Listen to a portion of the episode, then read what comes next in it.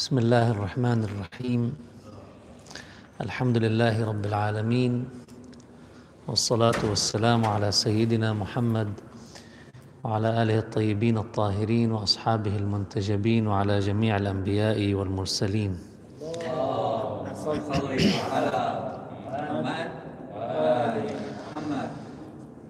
يحذر الإمام علي عليه السلام بحسب ما هو وارد في نهج البلاغة من مصادقة أربع أشخاص. أربع أصناف من الناس يطلب الإمام من الإنسان أن لا يصادقهم.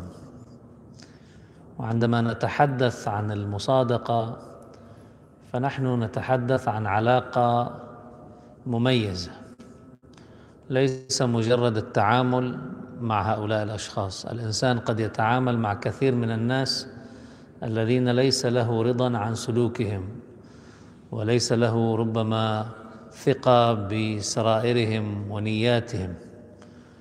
الصدق أو المصادقة والصداقة هي نوع من العلاقة التي يندمج فيها الإنسان مع الإنسان الآخر بحيث يفتح الإنسان نفسه للآخر داخله للآخر وأيضا يفتح المجال ليتأثر هو بالآخر. ولذلك تجد بأن الصداقة عادة في فترة من الزمن تجد بأن بعضهم بات يشبه البعض الآخر. أحد الصديقين يصبح يشبه الصديق الآخر في شيء على الأقل من السلوكيات في شيء من الخصائص. ولذلك عندما يحذرنا الإمام من مصادقة هؤلاء فإنه يريد أن يشير إلى خطورة الاندماج مع هؤلاء أو عدم الحذر من العلاقة مع هؤلاء. أربعة أصناف من الناس يتحدث الإمام عليه السلام لولده الحسن عليه السلام بوجوب الحذر منهم. يقول له إياك يا بني إياك ومصادقة الأحمق. فإنه يريد أن ينفعك فيضرك. وإياك ومصادقة البخيل فإنه يبعد عنك أحوج ما تكون إليه. وإياك ومصادقة الفاجر فإنه يبيعك بالتافه. وإياك ومصادقة الكذاب فإنه كالسراب يقرب عليك البعيد ويبعد عليك القريب.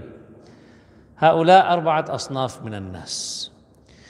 لو أردنا أن ندرس لماذا الإمام يحذرنا من مصادقة هؤلاء من أن نندمج مع هؤلاء من أن نتأثر بهؤلاء من أن نسير على خطوات هؤلاء.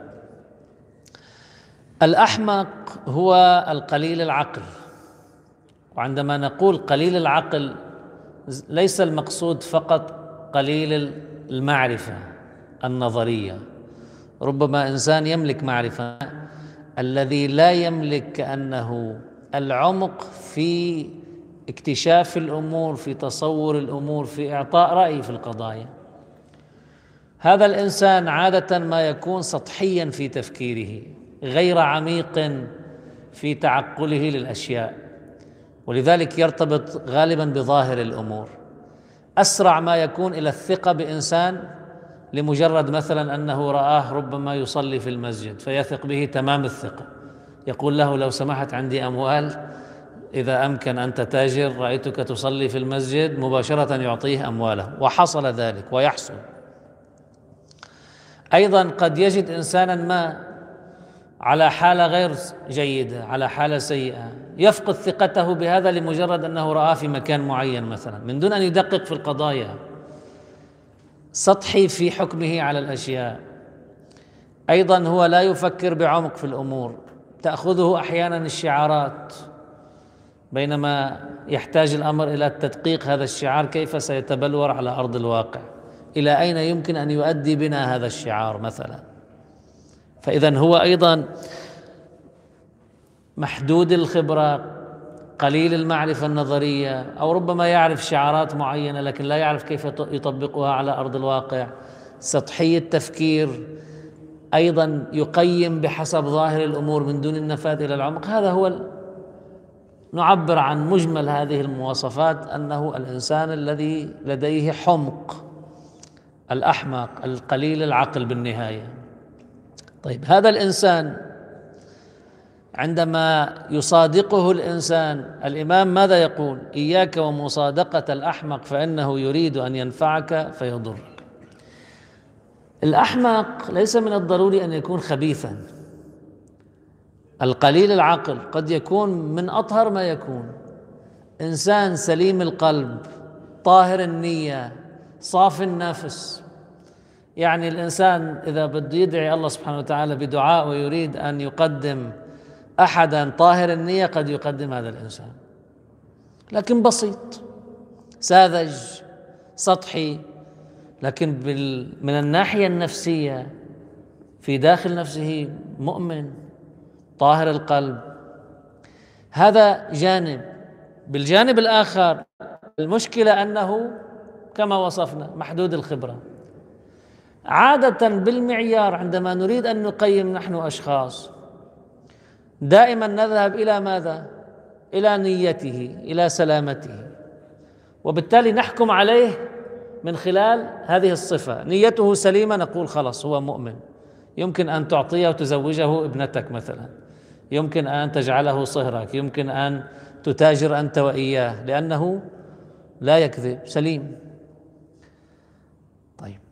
الآن لو دققنا في الأمر في أرض الواقع هذا الإنسان السليم القلب لأنه قليل الخبرة. قد ينساق وراء وراء أشياء هي تضر الإنسان.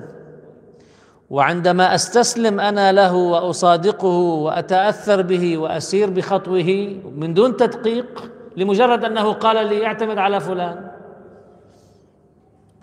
فأنني عندئذ سأقع في المضرة. هو لا يريد أن يضرني. هو لا يريد أن يضرني ولكنه لكونه قليل الخبرة الضرر يحصل. يعني الإنسان قد يأتي ويأتمن إنسانا خبيثا إنسانا شريرا قد يأتي ويأتمنه على نفسه وأهله وماله وولده هذا الإنسان. طيب إذا كان أيضا سيؤثر علي في ذلك. اذا هو سيسلمني أنا أو يسلم مالي إلى إنسان يضرني بنهاية المطاف. صحيح أن نيته سليمة وليس إنسان شرير. هذا الإنسان الاحمق إنسان طيب طاهر القلب. لكن بالنتيجة طاهر القلب والخبيث يؤديان النتيجة ذاتها. قد يؤديان النتيجة نفسها. ولذلك يقع في الإنسان في المضرة. هو يريد أن ينفعك وصادق يبذل جهدا ويريد أن يدلك. يراك مثلا عندك مال بدكش تحطهم بالبنك. وبده يفتش لك على واحد لتتاجر معه بمالك. يأتي إلى هذا الإنسان ويقول لك عندك فلان ويدلك عليه. يريد أن ينفعك فعليا ولا يريد شيء لا جزاء ولا شكورا. يعني لو سألته هل لك منفعة من ذلك قد تجد أنه صادق في أنه لا منفعة له في ذلك. يريد أن ينفعك لكن لأنه قليل التدبر لأنه سطحي التفكير لأنه محدود التجربة هذا الإنسان يصبح قليل العقل من الناحية العملية والواقعية. وبالتالي يدلك على شيء في نيته أنه طريق جيد وإذا بك تكتشف أنه طريق يؤدي إلى الهاوية. وهذا حاصل. نجده في كثير من الأحيان. نؤخذ أحيانا بجانب من جوانب شخصيات الناس بالجوانب الأخرى لا ندرسها بشكل جيد. لا نختبره بطبيعة الحال. هذا الإنسان يريد أن ينفعك فيضرك وبالتالي الإمام يحذر من هذا الإنسان. في حديث لافت عن النبي صلى الله عليه وآله. يسأل النبي عن أحد الأشخاص الذي هذا الشخص مدح أمام النبي صلى الله عليه وآله أنه إنسان خير إنسان على خير. فسأل النبي هؤلاء كيف عقله؟ قالوا له يا رسول الله عبادته كذا فضله كذا أخلاقه كذا بأعلى المستويات أدبه كذا وصفوه بافضل عم يمدحوه الجماعة وصفوه بأفضل الصفات. يرجع رسول الله ويسألهم كيف عقله؟ قالوا له يا رسول الله نحدثك عن فضله وتقول لنا كيف عقله؟ شو بيقول النبي بعدين؟ يقول رسول الله صلى الله عليه وآله يقول إن الأحمق يصيب بجهله أعظم من فجور الفاجر. الأحمق يصيب بجهله أعظم من فجور الفاجر بالنتيجة. بالنية صحيح وليس فاجرا وليس فاسقا. إنسان مؤمن متدين من أفضل ما يكون لأنه قليل الخبرة ينساق وراء ظواهر الأمور سطح الأشياء ولذلك يأخذ مساره بسرعة يتسرع في حكمه على القضايا والأحداث والأوضاع ولذلك ينساق. بنشوف اليوم كثير من الأحيان الإنسان السطحي التفكير. هلأ ما بدنا نسميه أحمق بس نقول قليل الخبرة. لا باللغة العربية بسموه هيك. طيب بتلاقيه مثلا ينساق وراء الإعلام وسيلة إعلامية. لا يدقق هذه الوسيلة الإعلامية مثلا ما سياستها من يمولها كيف تقارب القضايا كيف تتحدث عن الأحداث. شخصيات يبرزون. ربما شخصيات يبرزون بالعمل الاجتماعي ربما بالعمل. ربما يقولون اليوم عندنا مصطلح الناشط السياسي وهكذا. بالمجال الديني حتى كذلك. ينساق وراء رجل دين مثلا. شافوا والله هو يعني ما شاء الله نوافله لا يتركها. دائما راهب المسجد. وينساق وراءه. بعض الناس بيعتبروه إنه لعدة الشغل يعني.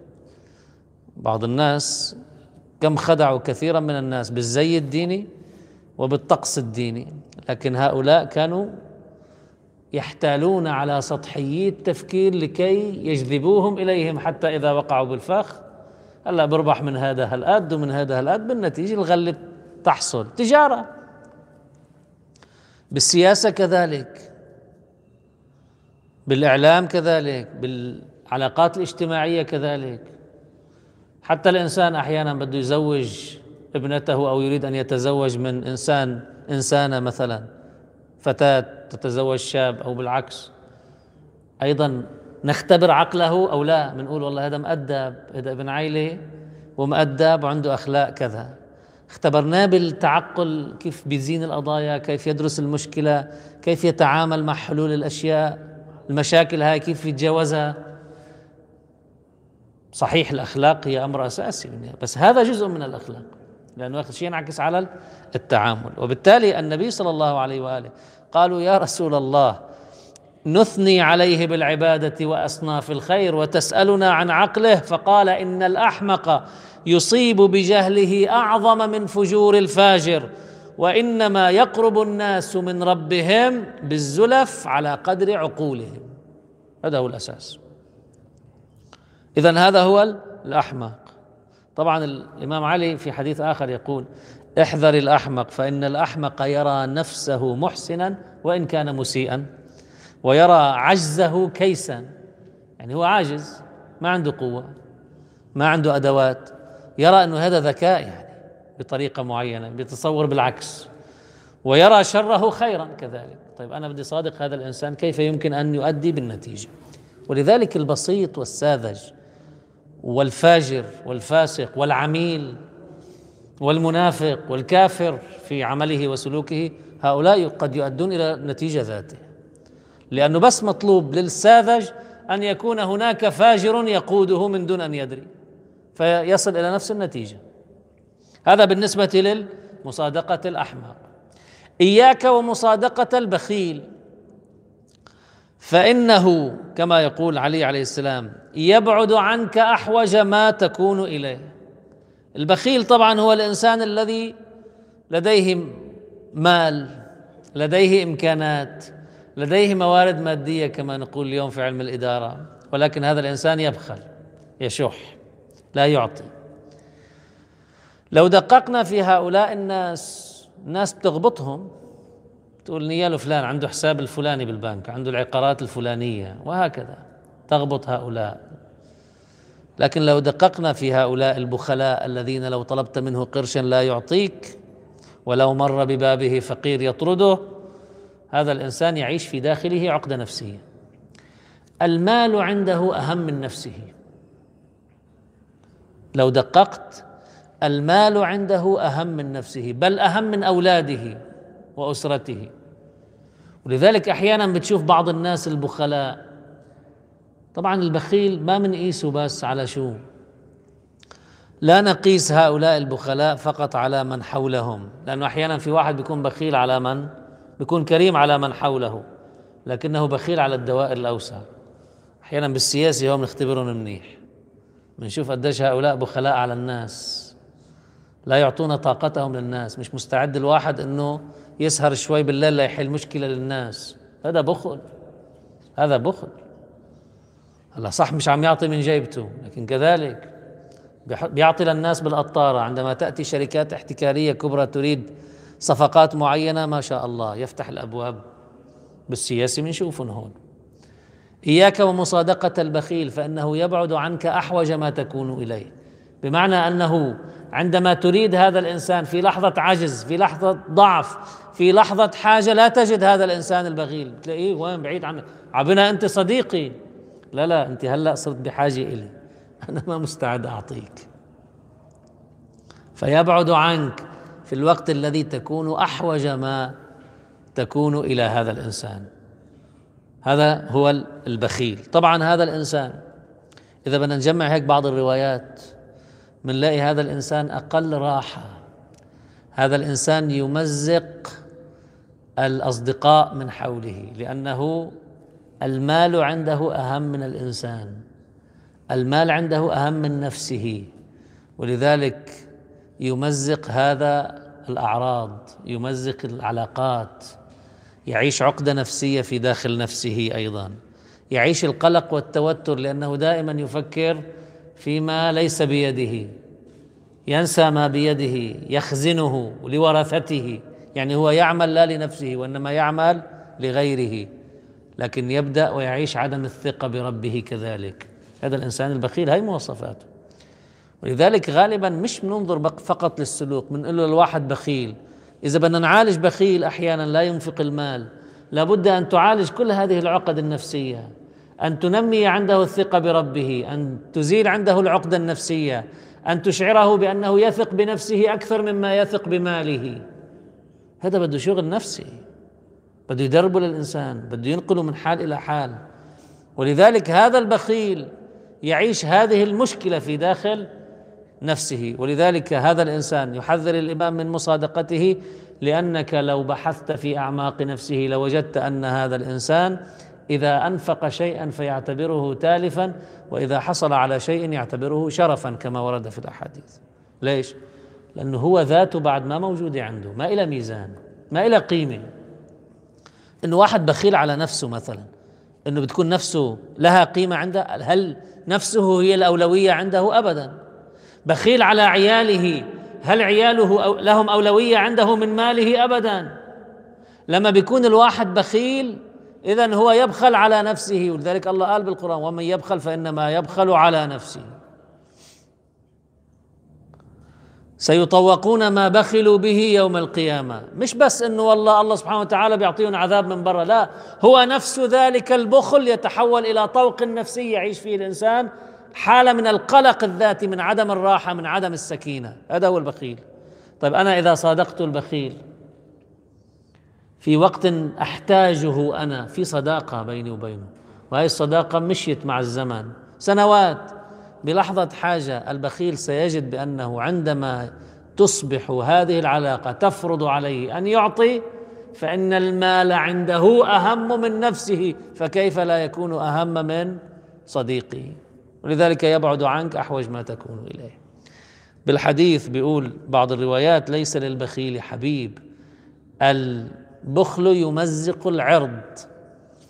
لأنه تخيل الإنسان المال عنده أهم من حتى عائلته. بعض السياسيين يمكن إذا بتضغط عليه بأمواله الموجودة بالبنوك أو المهربة إلى الخارج يمكن تلاقي أنه هاي إذا هددته يمكن أو ضغطت عليه ببعض علاقاته الاجتماعية أو أقربائه بتلاقي لا. يعني هولي أسهل عليه من أن تضغط عليه بماله. هذا إنسان شحيح النفس بخيل غير كريم من الداخل. هاي الصفات هي صفات خارجية صح لكن هي تنم عن مشكلة داخلية. هذا هو الصنف الثاني. الصنف الثالث الإمام يقول إياك ومصادقة الفاجر. بالتعريف يقولون الفاجر هو الفاسق هو الذي يعصي الله سبحانه وتعالى.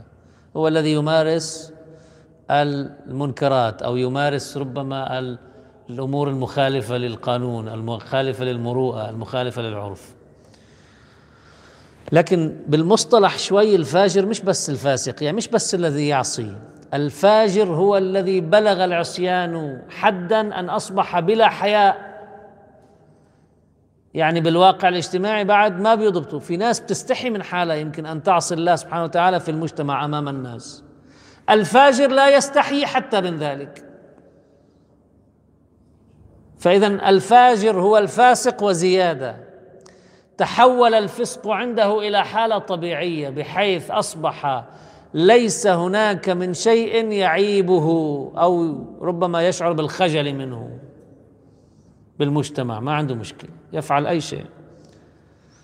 هلا نضرب مثال بالمعاصي نعرف المعاصي. في ناس ما عندها مشكلة. لسانه من أزفر ما يكون كما يقال من أفحش ما القول لا يترك فحشا إلا ويقوله.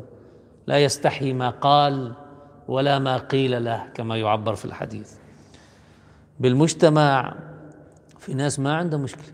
والله هو يعنف زوجته ما عنده مانع. تعرف الناس ما تعرف الناس.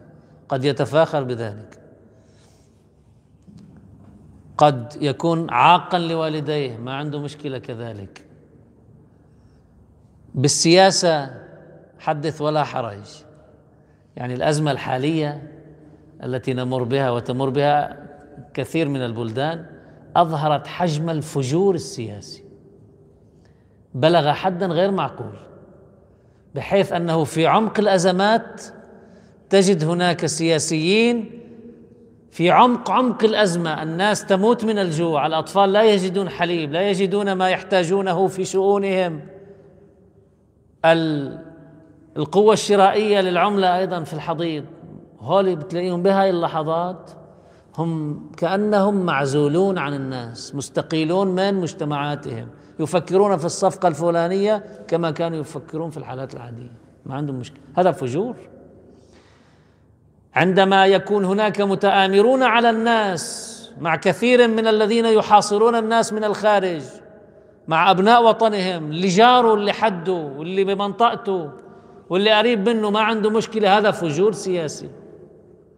وفجور اقتصادي كذلك بنلاقيه لما بيكون عندك في ظل الأزمات الحالية التاجر يراعي مصلحته إلى أبعد حاد يعني يتوقع ماذا يمكن أن يحصل خلال عشرة أشهر قادمة ويضع الربح على أساس ذلك.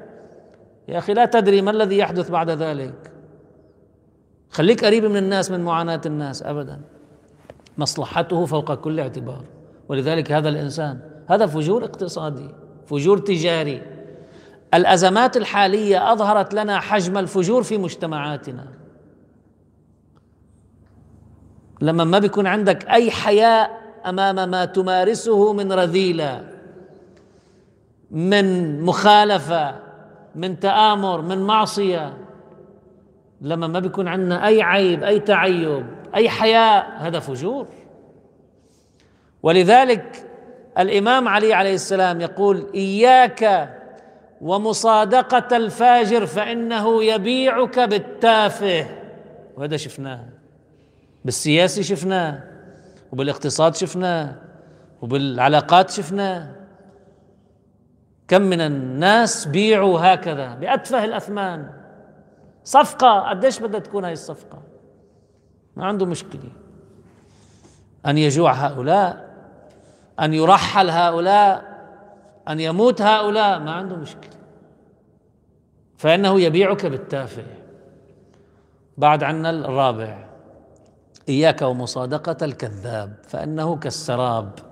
يقرب إليك البعيد يقرب عليك البعيد ويبعد عليك القريب. طبعا الكذاب واضح. هلأ الأحمق صاحبنا قلبه طيب لكن ساذج. النتيجة هو الفاجر وحده مثل ما قال النبي صلى الله عليه وآله. يصيب بجهله أعظم مما يصيب الفاجر. بالنتيجة وحده. بس هذا قلبه طيب يعني نيته صادقة سريرته سليمة. بس قليل العقل. الثاني بخيل عنده مشكلة نفسية عقدة نفسية. يبخل يعتبر أن ماله أهم عنده من نفسه وولده والناس أجمعين. ولذلك الله سبحانه وتعالى عن قارون شو لنا. قالوا له قوم لا تفرح إن الله لا يحب الفرحين وابتغي فيما آتاك الله الدار الآخرة ولا تنس نصيبك من الدنيا وأحسن كما إنه ما حيخلصوا مصرياتك. ما في مجال علاج ما في. المشكلة هذه ما كانت عم تتعالج عنده استحكمت به إلى درجة فخسفنا به وبداره الأرض. هذا ما بفي إلا بصدمة. كثير من الناس ما فاقوا إلا بصدمات كبيرة جدا خسروا اموالا طائله بينما كنت تطلب من الواحد قرش ما كان يعطي. هذا بالنسبة لي البخيل. أيضا الفاجر طبعا نفسه لا حياء عنده في أمور دينه وأمور مروءته. ما عنده عيب. على عينك يا تاجر ما عنده مشكلة. بعد الكذاب هو الإنسان الذي يزين للإنسان. ونحن بنعرف مع الأسف كثيرا من الناس كاذبون بالعلاقات الاجتماعية كاذبون بالعلاقات الاقتصادية كاذبون بالعلاقات السياسية بالشؤون السياسية كاذبون.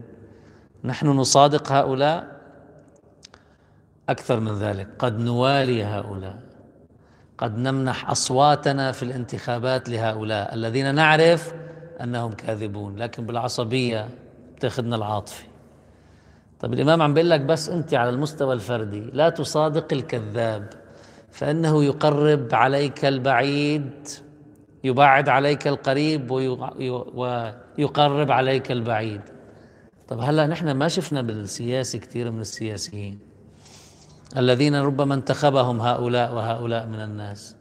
ما شفنا بس يطلعوا يصرحوا لنا. شو بيقول لك؟ ما في أزمة. كل شيء بخير. العملة بخير الاقتصاد بخير. بس عندنا بعض القضايا التفصيلية الهامشية ستعالج قريبا. تخلص القصة. بيطلع معك بالموضوع؟ لا. تكتشف يوم بعد يوم أن المراد من هذا التقريب للبعيد والإبعاد للقريب المراد بس حتى أنت وأنا والآخرون من عامة الناس شو؟ حتى يتعودوا على الأزمة. مثل ما قال بعضهم. الناس بتتعود. بنطلع لهم دولار شوي بننزله شوي بنرجع بنطلعه شوي وهكذا. تتعود الناس. واعتدنا على ذلك. هذا هؤلاء كذابون بالسياسة كذابون لما بيقول لك الإمام أيها الإنسان إياك ومصادقة الكاذب على المستوى الفردي انتبه. فكيف على المستوى الاجتماعي والسياسي والاقتصادي المرتبط بمجتمع وبأمة؟ هل نصادق هؤلاء؟ نعطيهم الصدق نوالي هؤلاء أعلى من الصداقة. نحن بنعمل هيك. ولذلك إذا أردنا أن يتغير حالنا من حال إلى حال أول شيء بدل ما نرجم الآخر ويستحق الرجم ونرجم الدولي والسياسي وما إلى ذلك والسلطة لنفتش نحن ماذا كيف نتصرف تجاه ذلك. ما هي نسبة مساهمتنا في ذلك؟ أول شيء الإنسان بده يغير يطلع ما الذي يستطيع أكثر شيء بيستطيعه الإنسان يغير بذاته. كيف كنت أتصرف سابقا وكيف ساهم ذلك في وصولي إلى هذه الأزمة؟ إذا كيف علي أن أغير؟ إن الله لا يغير ما قوم حتى يغيروا ما بأنفسهم. ما الله بيقول لي إن أولياؤه إلا المتقون. بدك تعطي الولاية تعطيها للأتقياء لا تعطيها للحمقى اللي هو متدين بصلي صلاة الليل بصلي بروح على الحج وعلى الزيارة. لكن هذا عندما تختبره على أرض الواقع أحمق لا يملك عقل. ولذلك يوصلك ويوصل آخرين إلى الهاوية من حيث يريد أن ينفعك. شو المعيار اللي أخذناه أنه متدين بصلي الإسلام شو بيجي بيقول لك؟ لا تنظروا إلى طول ركوعهم وسجودهم وطنطنتهم بالليل ولكن اختبروهم عند صدق الحديث وأداء الأمانة إلى البر والفاجر. من داخله هذا شو أوتوا؟ هذا واحد من الأحاديث. عم تعطينا أيضا معيار. لا تصادق الأحمق لا تصادق الفاجر لا تصادق الكذاب لا تصادق البخيل. طيب هول بالعلاقات الفردية هاي خطورتهم.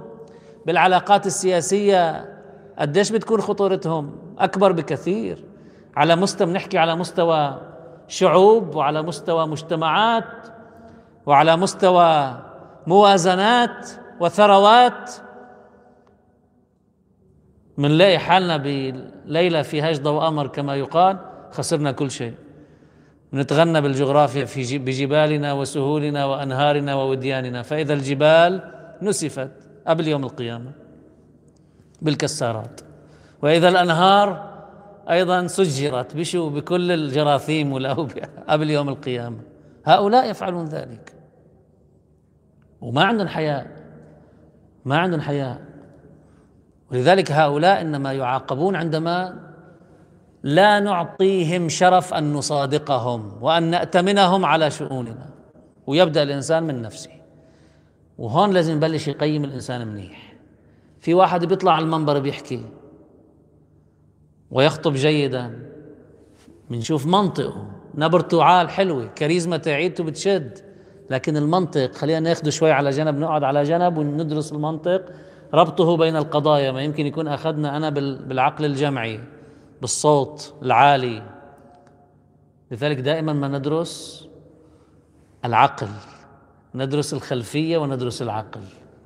ندرس المواصفات الشخصية الشمائل الصفات الخصائص. في عقد نفسية ولا ما في عقد؟ أنا بقول أحيانا إذا بدنا ننتخب واحد لازم نعمل له تحليل نفسي لشخصيته لنشوف هذا بخيل هذا أحمق هذا تحت الضغط مثلا كيف بيتصرف؟